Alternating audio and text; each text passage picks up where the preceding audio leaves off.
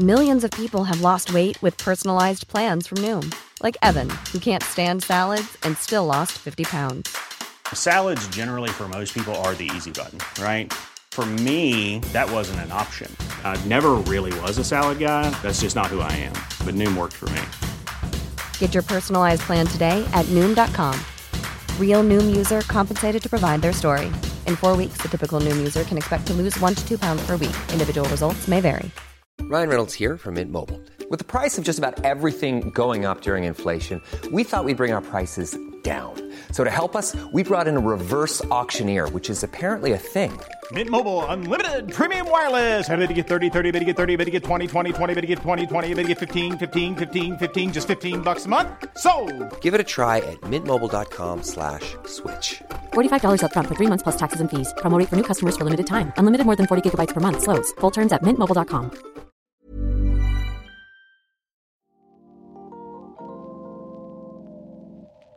Det här är ett samtal med Fanny Forsberg Lundell, professor i franska och verksam vid Stockholms universitet. Vi pratade om vad som händer när ideologi och politik letar sig in på universitetet, vad akademisk frihet innebär i praktiken, på vilket sätt den högre utbildningen kan påverkas negativt om såväl studenter som forskare tvingas ta politisk ställning i det dagliga arbetet.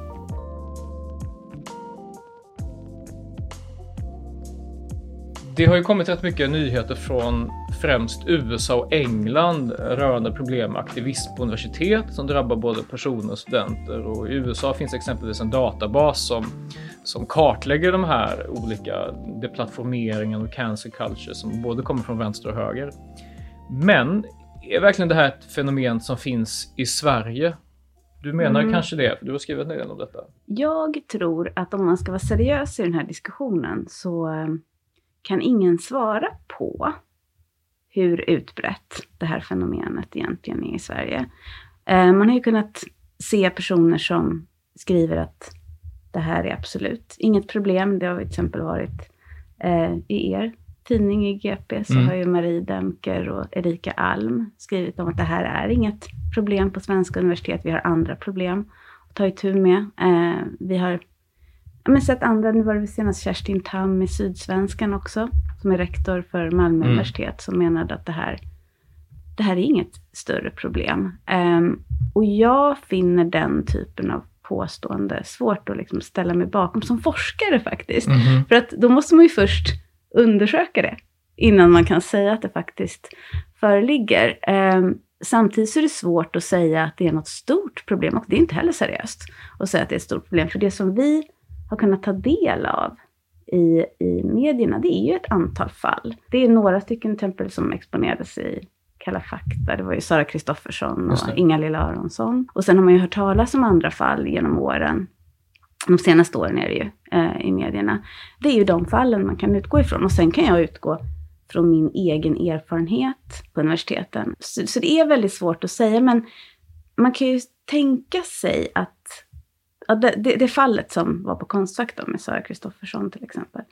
Eh, man kan ju säga att det blir ju som någon slags topp på ett isberg kanske. För att något sånt ska kunna äga rum så måste det ju finnas en viss miljö. Och den miljön kanske liksom inte alltid reagerar. Men nu hände det någonting som gjorde att det tog fart och att det blev ett drev.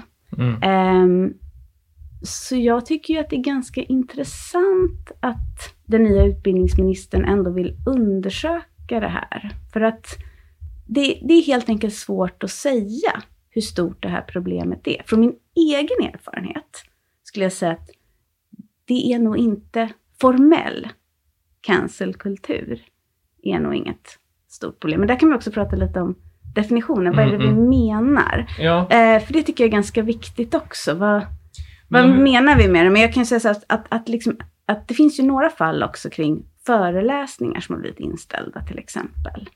Jag såg att du hade Kajsa Ekis, Ekman Ja. här.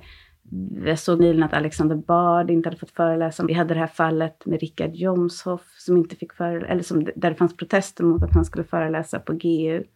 Det finns ju liksom ehm, att folk inte skulle kunna få en, liksom, kunna verka eller bli avskedade. Det tror jag inte, jag har inte hört talas om några sådana fall. Jag tror att det handlar mer om att man kanske inte ens bjuder in i så fall en viss föreläsare. Eller att man inte ens tar sig an ett visst perspektiv eller vill anordna en viss debatt för att man uppfattar att det inte är eh, enligt de gängse normerna. Eh, enligt eh, kanske ja, den här ideologiska konsensuskulturen. Men om vi tar och kanske försöker oss på mm. avgränsa, för du, du mm. är redan inne på det nu, mm. att dels har man det här liksom, det tydliga, det som sipprar upp till ytan, mm. liksom, toppen på ett mm. eventuellt mm. isberg. Mm. Och då har vi det här fallet med Sara Kristoffersson, mm. det vill säga att det vi kanske, du kanske kan berätta lite om det fallet, för det är ju rätt intressant. Liksom. Alltså mm. bara, bara jättekortfattat, för jag tror att inte alla kommer ihåg det. Eh, och, och sen så kanske man har mer det man inte hört talas om. Alltså, för att det jag vill prata med dig om, det är överlag akademisk frihet. Mm. Och det är inte säkert att den friheten trampas på sådär jättetydligt. Det här är ändå massvis med arbetsplatser runt om i Sverige. Mm. Och man kan ju tänka sig att, att det, det finns en del eh, forskare som aldrig kommer till det, till den, det så att säga, situationen att de mm. faktiskt blir stoppade Exakt. eller känner sig tvingade eller får ett drev mot sig bestående av vad det nu kan vara, kollegor eller studenter Exakt. eller någon mm. annan. Mm.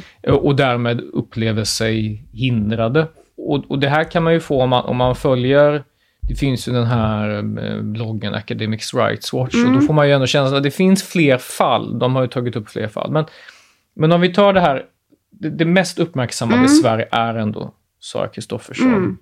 Uh, och Konstfack. Kan vi uppehålla oss lite vid det? Mm. Vad, vad, tänker du när du läste om det och vad hela den händelsen? Det som hände då, om vi tar lite kort, så var det ju så att på Konstfack så fanns det ett eh, separatistiskt studentkollektiv som heter Brown Island, som hade inkommit med ett förslag att de ville byta namn på eh, ett rum på Konstfack som heter Vita havet. För att eh, det fanns rasistiska konnotationer till ordet vit då. Och det var ett ärende som blev ett myndighetsärende. Det togs upp i nämnder, det diskuterades, är det här någonting vi ska göra? Hur ska vi hantera det här? Och vad jag har förstått genom att läsa då Sara Kristofferssons bok om det här, så var det ju något som, det, det var ju diskussioner som pågick i flera år eh, kring hur man skulle hantera det här.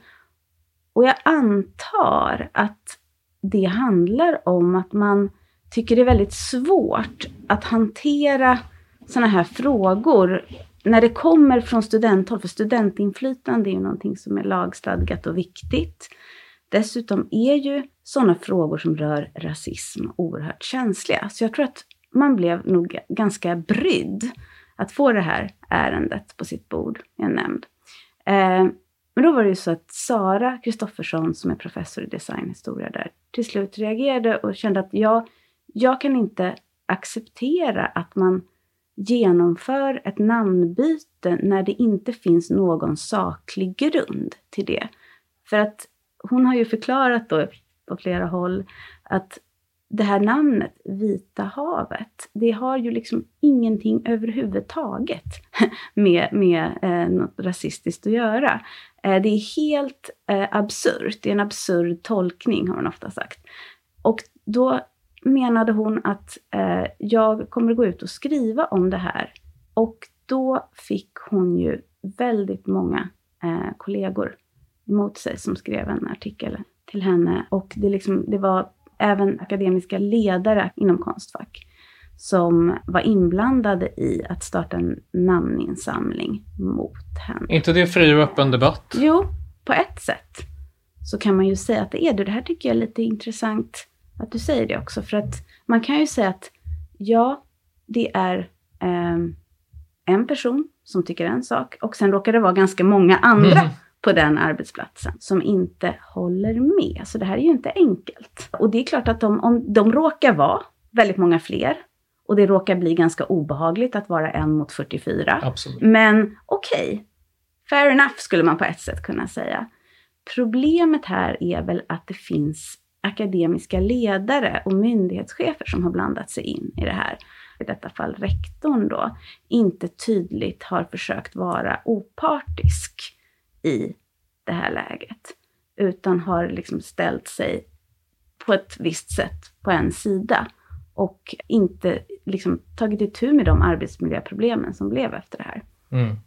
Om, om man på något sätt läser lite mellan raderna varför det blir en så stor majoritet här. Alltså Mm. varför, varför Mm. Kristoffersson var tillhörde en minoritet som sa Mm. att det här är absurt, det finns ingen koppling till ras här. Liksom. Mm. Egentligen det som, får man väl säga, var även många reaktioner. Nu talar jag i egen sak, för jag skrev själv om det här Mm. och, och gav henne rätt. Så att säga. Det Mm. finns ingenting rasistiskt här. Och Mm. Att det finns någonting rätt ideologiskt med att försöka besjäla väldigt mycket i vår Mm. samtid och i vår Mm. tillvaro och inte Mm. bara i människors agerande utan även i så att säga, objekten runt oss med någon sorts rasagens. Liksom. Att det mesta Mm. i vår värld är präglat Mm. av rashierarkier. Mm. Och det var väl vad jag reagerade på, att man hade, det var en så stor grupp välutbildade människor som köpte det här Ja. rakt Ja. av och reagerade så starkt egentligen inte på att det var ett massivt motstånd mot det här inom akademin, utan att det var en person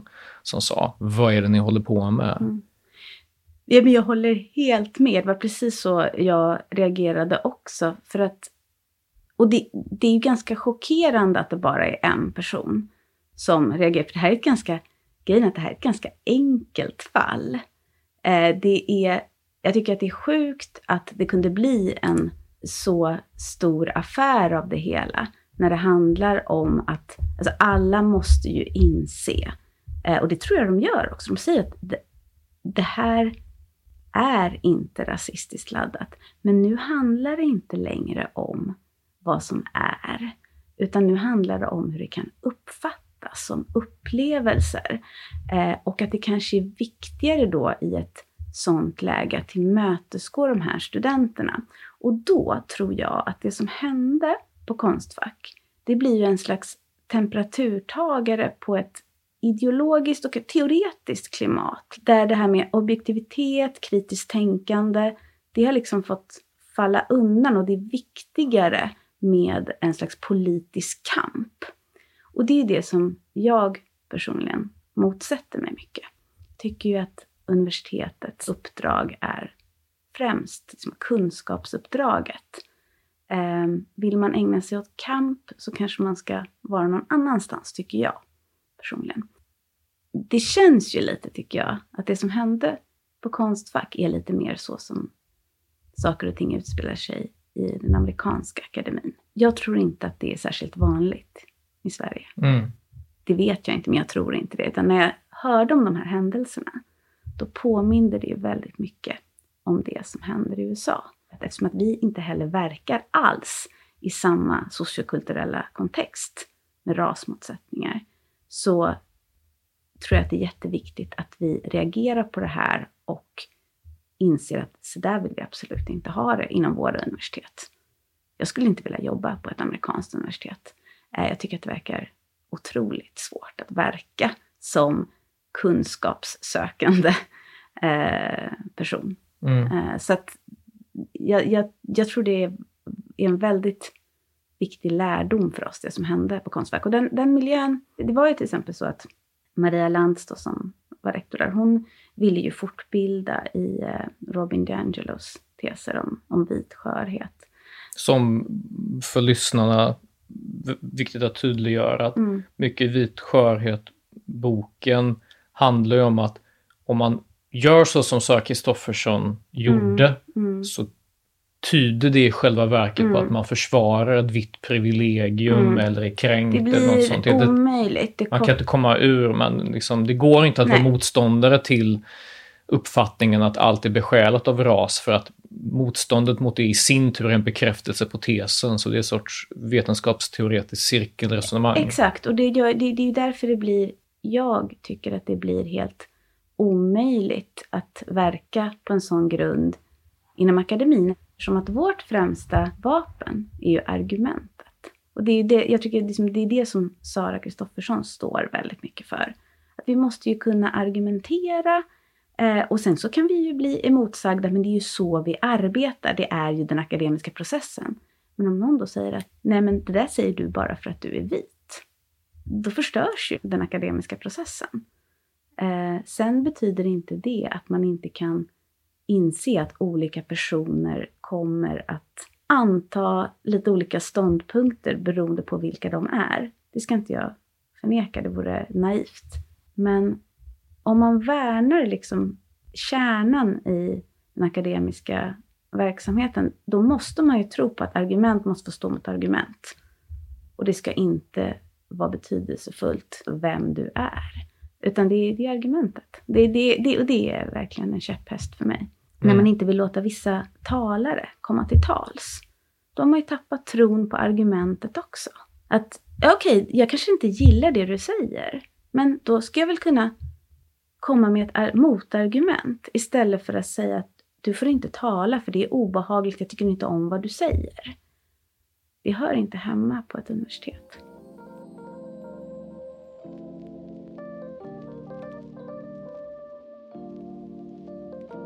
Du nämnde tidigare, det fanns ju ett par exempel. Ja, Richard Jomshof, alltså Sverigedemokraten mm. som, som är ordförande i justitieutskottet. Han skulle komma till, ja det var Göteborgs universitet mm. och då var det flera politiker som skulle tala om mm. partiers mediala ja. strategier och så. Precis. Just det. Men jag minns faktiskt inte om det var studenter eller lärare eller vem det var som var emot det. Där var det ju framförallt, vad jag uppfattat det som, så var det framförallt lärare som mm. Skrev på protestlistor. Vi kanske har att göra med två olika saker här, mm. Mm. Eh, tror jag, mekanismen. Det ena är att det finns en allmän kanske uppfattning att sådant som rör den akademiska värdegrunden, mm. för en sådan finns väl liksom, många samhällsinstitutioner har ju någon sorts etablerad värdegrund.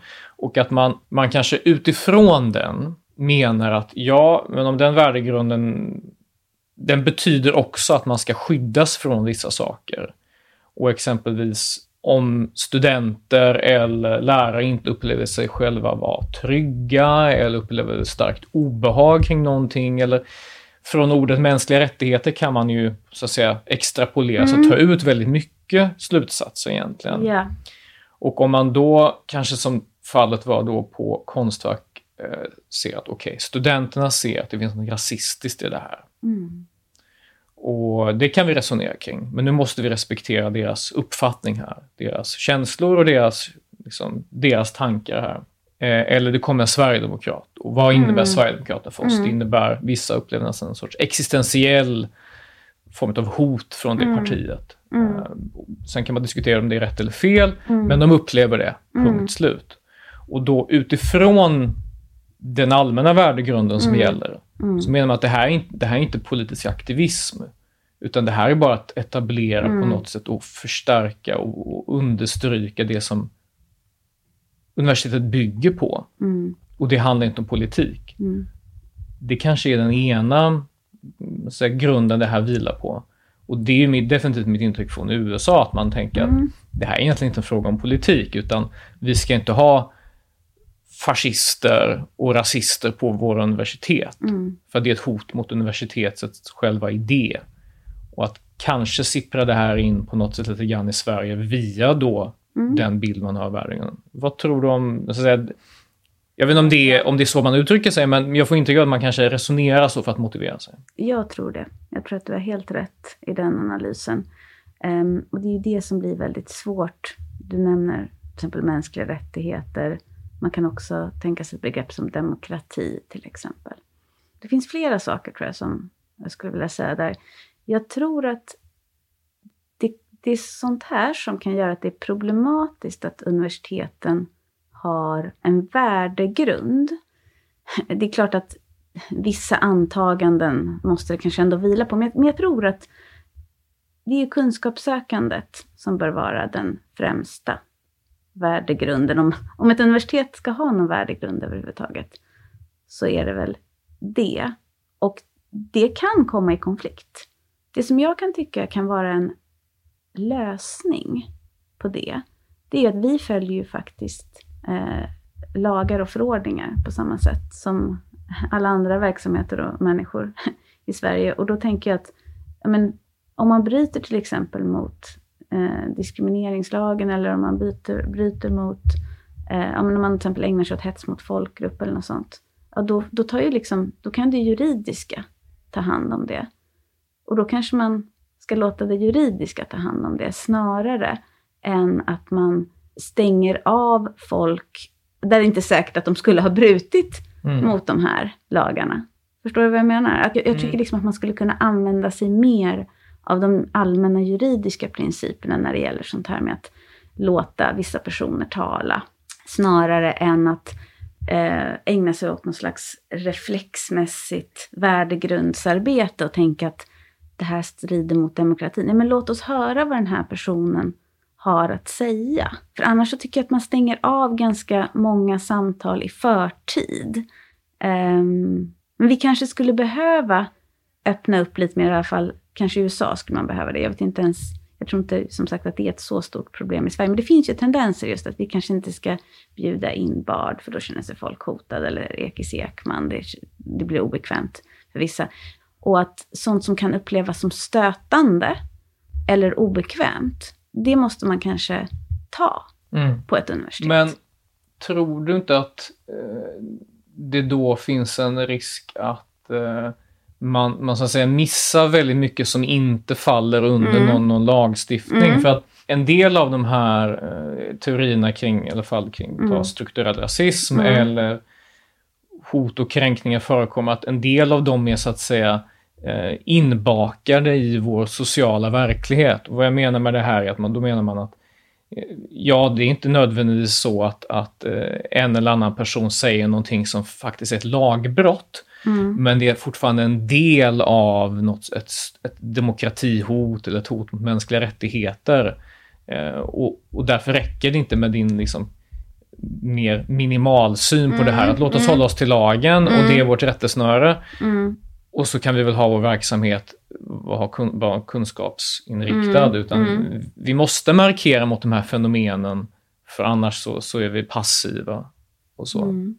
Jag förstår vad du menar. Jag tror ju, eftersom jag tror på argumentet eh, och på samtalet, så tror jag att vi nog ändå ska låta de samtalen föras. Det kanske kan vara viktigt att var någonstans ska de annars föras någonstans också?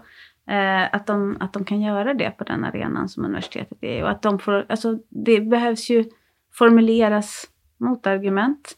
Eh, och varför skulle de där samtalen ta väg någon annanstans annars? Varför skulle universitetet vara liksom extra stängt Mm. på något sätt? Men det visst, det är svårt. För att om man tänker på, vi har ju något som heter den statliga värdegrunden. Och det skrev jag om också i den här artikeln på GP Debatt, som jag skrev tillsammans med Johan Gärdebo. Och i den statliga värdegrunden, som alla myndigheter i Sverige ska följa, eh, så finns ju demokrati som ett av värdeorden, eller ett av, en av sex principer. Eh, så det är klart att man kan stödja sig på det, för att tänka att det här kan hota demokratiska värden. Och sen så är det så att det är så, som du säger, det är så vitt, demokrati eller mänskliga rättigheter är så vida begrepp. Men sen har vi också en princip som är objektivitetsprincipen. Här, det handlar ju framförallt om förvaltning, men det står faktiskt också att hela verksamheten ska präglas av objektivitet, inte bara beslutsfattande. Det blir jättesvåra gränsdragningar, men jag tror att man ändå ska tänka att man i så hög grad som möjligt låter olika röster komma till tals. Och man ska också representera hela samhället. Och det ska ju universitetet göra. Det är ju eh, en offentlig resurs. Och då är det viktigt att liksom inte en viss del av samhället per automatik i alla fall utesluts. Det är ju det är principer som hamnar i konflikt med varandra.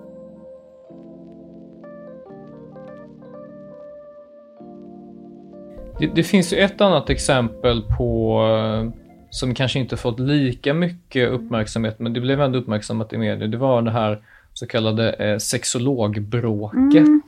Eh, det var en professor i filmvetenskap, Mm. Maria Larsson, Mm. som hade hå- hållit en gästföreläsning på, på Malmö universitet om Mm. sexuella stereotyper. Och där protesterade studenterna för att hon hade visat då rasistiska stereotyper och sagt, eh, yttrat ord som inte ska yttras. Mm. Och det där var uppmärksammat ett kort tag, men det var väldigt långtgående konsekvenser för henne och hon upplevt det här som väldigt negativt Mm. och, drabbade. Det tillsattes en utredning flera år sedan nu, men hon Mm. upplever fortfarande det här var Ja. otroligt Ja. jobbigt. Så det här kom ju från, från studenter då, Exakt. som av någon anledning då tyckte att alltså föreläsningen handlade ju inte om att förespråka de här stereotyperna, utan om att beskriva dem. Mm. Men det tolkades då av studenter, jag vet inte hur det tolkades, men i alla fall, de fann det väldigt obehagligt och f- fann det värt att rapportera det här. Mm. Och då undrar jag, du som ändå har, verkar inom universitetet, det här kanske är ett, ens, ett, ett enskilt exempel som inte överhuvudtaget är intressant att ta upp. Men vad tycker du det säger om studenter, eller en del, vissa i alla fall, som direkt går så att säga på och kritiserar det här istället för att förstå, att, förstå kontexten? Det här liknar ju också det man hör mer från anglosaxiska världen. Studenter som protesterar mot lärare, som, som hänger ut, som skapar drev mot lärare. Min uppfattning är att det inte är vanligt i Sverige, men det kan ske i vissa miljöer. Eh, vissa ämnen, här var det sexologi då. Jag kan tänka mig att det, det kan hända liksom in, ja, men det är i politiskt laddade områden där det finns studenter som är där för kamp kroppen också. Då tror jag att sånt här kan hända. Um, för att man har liksom glömt att man är där kanske för, eller jag ska inte säga glömt, eh, jag, ska inte, jag har inte liksom reflekterat så mycket, men jag tror att man kommer dit med en övertygelse redan. Eh, och eh, man har föreställningar om olika maktrelationer ehm, och vad som kan sägas och inte sägas och vad de här olika stereotyperna står för och så vidare. Och då, ja, det verkar ju stå för någon slags brist på önskan att eh, verkligen förstå någonting. Det handlar mer om att bedriva en kamp. Jag fick höra igår på ett eh, seminarium att det var en, eh, en student som hade studerat genusvetenskap och han hade fått höra att ja, den metod du väljer, det beror på vilken kamp du vill bedriva. Och han sa, men jag är inte här för att bedriva någon kamp. Jag vill lära mig mer om genus. Jag säger inte att det är representativt, men jag tyckte det var ett lite intressant exempel. Att man till och med fick höra som student att vilken kamp vill du bedriva? Och det har jag varit inne på tidigare när vi har pratat, att det är liksom den här eh, skiljelinjen som går. Vill man verkligen försöka utforska och förstå någonting och kanske inte vara så säker på saker?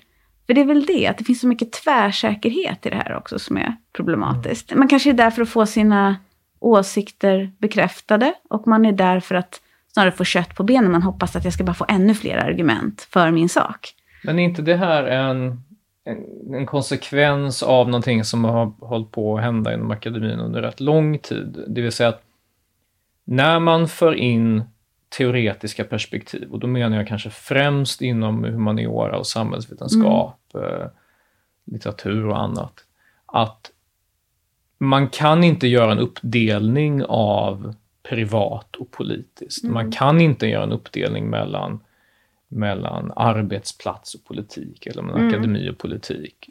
Jag minns, nu är det ett tag sedan, men, men det bara tyder på hur långt det här kanske har förekommit.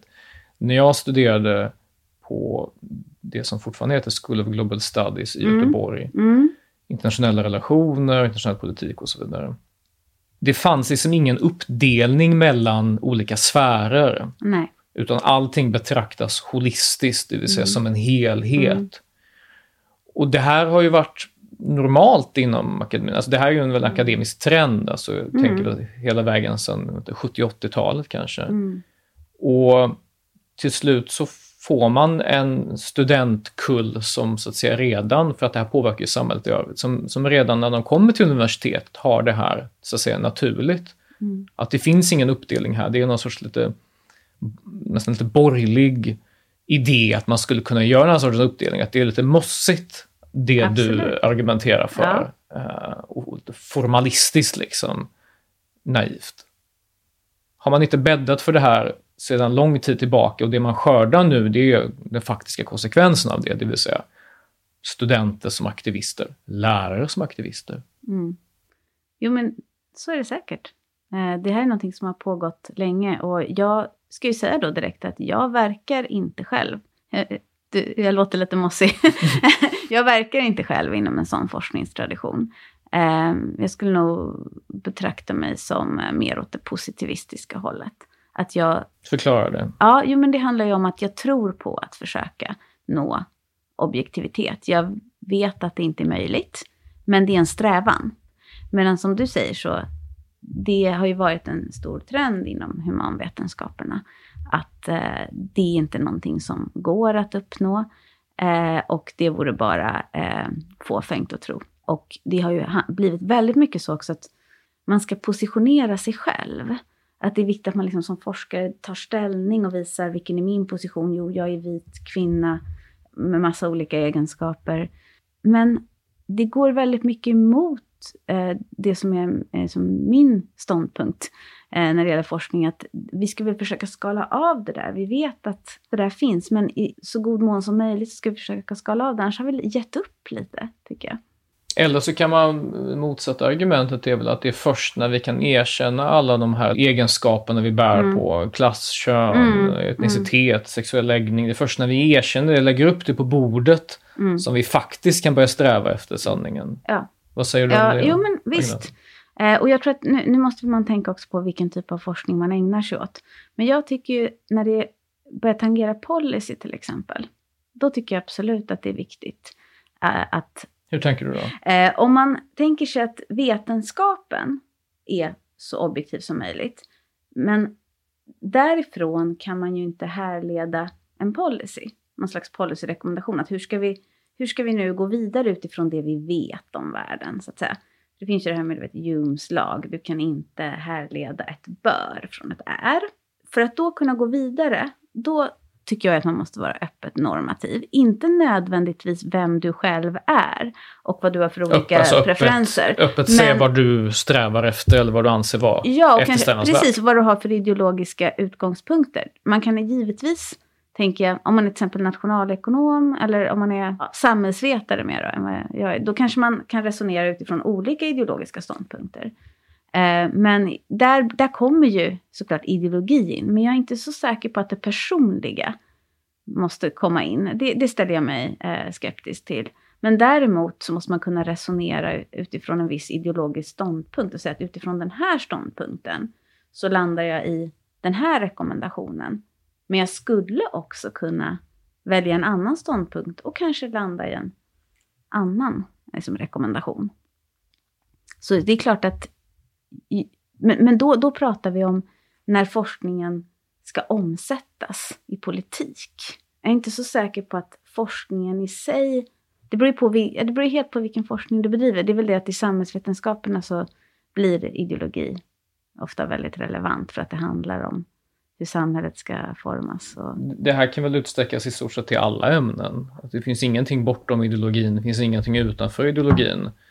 Och, och, därför är det någonstans meningslöst att försöka upprätta den här. Alltså även du är verksam inom, mm. inom språkforskning, mm. inom mm. tvåspråkighet och så vidare. Och alltså litteraturen, mitt intryck som mm. utomstående är att litteraturvetenskapen i Sverige är väldigt ideologisk. Men det jag kanske har helt fel där. Men det är väl att många av de, alltså, eh, litteraturvetenskapen är ju mycket mer, ska man säga, teoretisk det är man ägnar sig också väldigt mycket om tolkningar. Det är väldigt hermeneutiskt. Det finns ju olika, nu, nu sitter jag här och pratar om litteratur, jag är inte litteraturvetare, men jag tänker att det finns ju olika teoretiska perspektiv. Men en del av de teoretiska perspektiven som tillämpas idag är ju väldigt ideologiska. Och de har ju valt ett perspektiv, så att säga. Man har valt till exempel ett postkolonialt perspektiv. Mm. Och så analyserar man utifrån det rastret.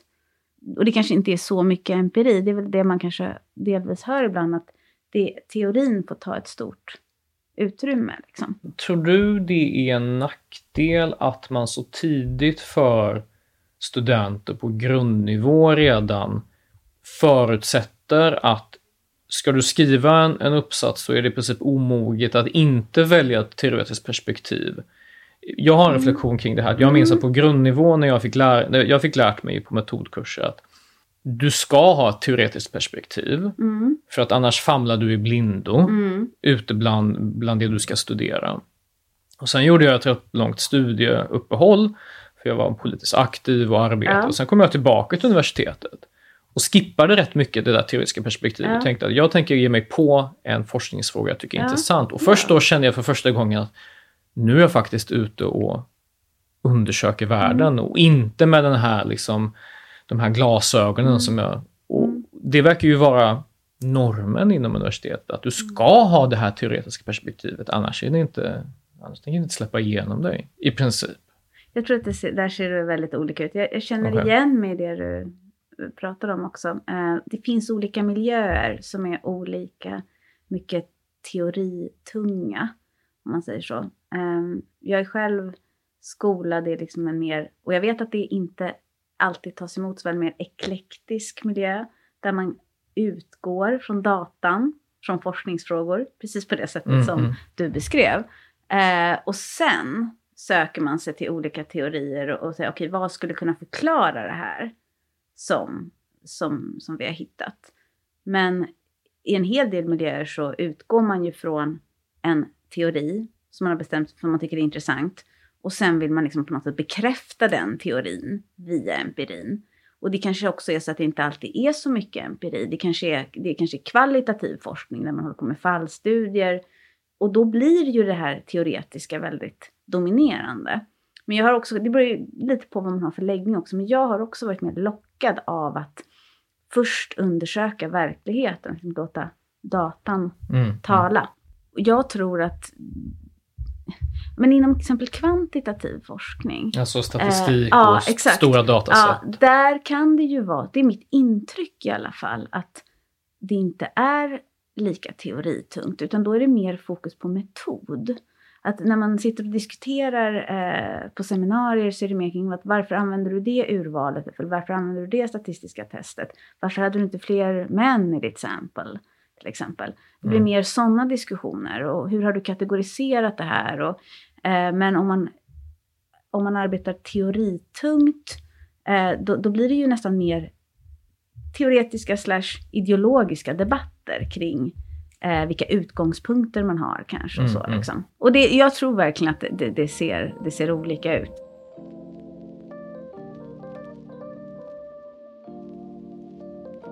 Om vi tar och, och blickar framåt och ut lite. Eh, när den borgerliga regeringen tillträdde under hösten 2022 så gick den nya utbildningsministern Mats Persson ut och sa att han ville se en utredning gällande akademisk frihet. Mm. Och en del tycker det här är positivt och en del inom universitetet eh, tycker det här är negativt för att det här bryter mot den här tanken att det ska, vi ska ha en armlängds avstånd mellan politiken och universitetet. Bland annat eh, dekanen på Göteborgs universitet, Marie Demker, Mm. ehm, tyckte att det här var, eh, tyckte det här var negativt och hon är inte ensam om det. Samtidigt så har vi, som du har pratat om här, ett problem med just akademisk frihet. Sen kan man diskutera hur stort det är och så vidare. Men så här, den här frågan har nått hela vägen till regeringskansliet och ska utredas. Är det här bra eller är det dåligt? Och vad tänker du om kritiken mot, Mm. eh, mot det här? Jag har ju själv varit angelägen om att det här är någonting som ska lösas internt. För att jag tycker att det är en kulturfråga. Det är någonting som liksom också, man måste vara ganska insatt i den akademiska verksamheten för att förstå hur man ska kunna lösa den.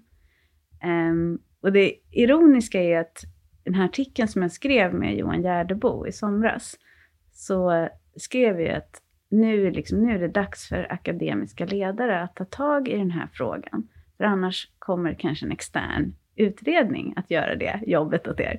Eh, och eh, vi hade väl inte trott att det kanske skulle hörsammas så pass snabbt. Eller hörsammas, det låter ju som att det är något vi önskade. Jag säger inte att det är någonting vi önskade, men om man har tittat på den utvecklingen som har varit i Europa så kunde man ju tänka sig att det här är någonting som eh, politiker till slut kommer att reagera på. Jag, jag tycker att det är någonting som egentligen akademiker själva ska ta hand om. Men jag kan också förstå eh, om man är nytillträdd liberal eh, minister och man ser alla de här fallen, eh, man intresserar sig för de här frågorna. Mats Persson är själv akademiker. Han har vistats tio år på Lunds universitet och har säkert själv sett vissa problem också. Jag kan förstå att man tycker sig se att lärosätena verkar ju inte hantera det här riktigt själva. Varför kliver man inte ut och verkligen tar ställning emot de här händelserna? Ehm, jag tycker också att, att göra en granskning eller utredning, det behöver ju inte vara, det behöver inte ses som ett ingrepp. Det, det, det tycker jag faktiskt är lite av en definitionsfråga. Det är klart att han, han har synpunkter på vår verksamhet. Men det går inte att skapa politik av det förmodligen. Utan jag tyck, vad jag har kunnat läsa mig till så säger han väl också att det handlar mer om kulturförändringar som ska till. Jag, jag kan tänka mig att om det görs en granskning, om det nu blir så, så kanske resultaten av den kommer att kunna leda till diskussioner och på sikt då kanske kulturförändringar. Men jag kan inte se att det är ett politiskt ingrepp. Mm. För att han har inte sagt att han ska förändra våra praktiker genom någon form av politiska beslut, eller hur? Så det, mm. egentligen borde ju inte att sätta kunskapen främst, att värdera yttrandefrihet, det borde inte vara en politisk fråga. Men det har ju visat sig att det är ju mer liksom då, ja, nu kommer en liberal minister, en liberal idétradition, och då reagerar han ganska starkt på det här. För det blir ju någonting, det, det, är klart att det finns någonting totalitärt lite i det här att inte vilja tillåta vissa samtal. Det har uppenbarligen inte någon riktigt tagit tag i innan, men det är någonting som i en, en liberal reflex då. Mm. Eh, det här är uppmärksammat de senaste, vad ska man säga, två, tre, fyra åren. Mm. På bredare front. Mm. Eh, vi har några exempel, en gång, ingen gång som man brukar säga. Liksom. Mm, det, det mm, vi, vi, mm. vi, kan ju konstatera att det inte är som i Storbritannien eller USA, där man verkligen, som jag inledde med, man har databaser över alla fall av deplattformering och cancel culture. Men tror du vi får se mer av det här? Eller tror du att det här kommer liksom kunna, mm. att akademin kommer självreglera sig eller till och med få liksom uh, utbildningsministern att agera mer? Eh, vad, vad, vad, tror du när du tittar in i din egen framtid? Mm. Jag ser faktiskt försiktigt positivt ändå på framtiden, om positivt är att det här är ett fenomen som vi inte vill ha. Eh, på våra lärosäten. För jag tror att de här fallen som har uppdagats har skapat väldigt mycket debatt. Jag får en känsla av att det har skapat en viss medvetenhet om att det här, till exempel det som hände på Konstfack, återigen det mest extrema fallet, men att det här är inte någonting vi vill ska hända. Det är i alla fall min tolkning att den här signalen som Mats Persson har sänt ut om att det här är någonting som man bör granska, som man bör ta tag i. Det är klart att det får en effekt i sig. Liksom. Det kanske inte ens behöver bli någon utredning, bara det faktum att han har sagt att han vill granska det här. Jag tror ändå att det... Jag tycker jag märker runt med att kollegor pratar mer om det. Det är på anekdotisk nivå, men det kanske måste hända lite saker som de här fallen vi har sett för att man ska bli medveten om att så här vill vi inte ha det. Så jag, jag är ändå försiktigt positiv. Men sen så är det klart att det också skapar motsättningar. Så att om man skulle vara lite mer negativ så kan man ju tänka sig att det kan bli mer uppdelat också. Att det blir, att det får någon slags polariserande effekt. Vi får se vad som händer. Mm. För men, om man tänker på alla de här som har reagerat negativt. Det är klart att då kanske de sluter sig i sin miljö och liksom diskuterar det här och ja. En begynnande akademisk polarisering. Ja, den, den finns säkert redan, men att, den, att en, negativt scenario skulle väl kanske vara att det då skulle kunna bli mer som i USA. Men jag, jag, jag tror inte riktigt det. Jag tycker inte vi har den Nej. grogrunden här i Sverige ändå. Mm. Och jag tror att de flesta har ändå... Det kanske var liksom bra att det var liksom så extremt på Konstfack. Så att, att, att det blev så pass faktiskt idiotiskt som det blev. Eh, så att folk känner att äh, men det här tar vi avstånd ifrån. Liksom. Där vill vi mm. inte hamna. Vi får se vad som händer i framtiden. Ja. Fanny, tack så mycket för att du tog dig tid att prata med mig. Ja, men tack själv. Tack för att jag fick komma. Det här är årets sista avsnitt av Samtal med Svejman. Tack till alla er som har lyssnat, hört av er och kommit med bra tips på gäster. När vi började med den här podden var det uttryckliga målet att föra en sorts samtal som annars saknas i vår offentlighet. Vi tror på nyfikenhet och lyhördhet. Att det går att möta meningsmotståndare med ett öppet sinne allt för mycket av vår offentliga debatt sker i avskilda utrymmen där förståelse för den andra i regel saknas. Vi vill erbjuda något annat. Mitt namn är Adam Sveiman och producent för den här podden är Isabella Persson. Vi vill önska er en god jul och gott nytt år. Nästa avsnitt av Samtal med Sverigeman kommer den 3 januari. Vi hörs då.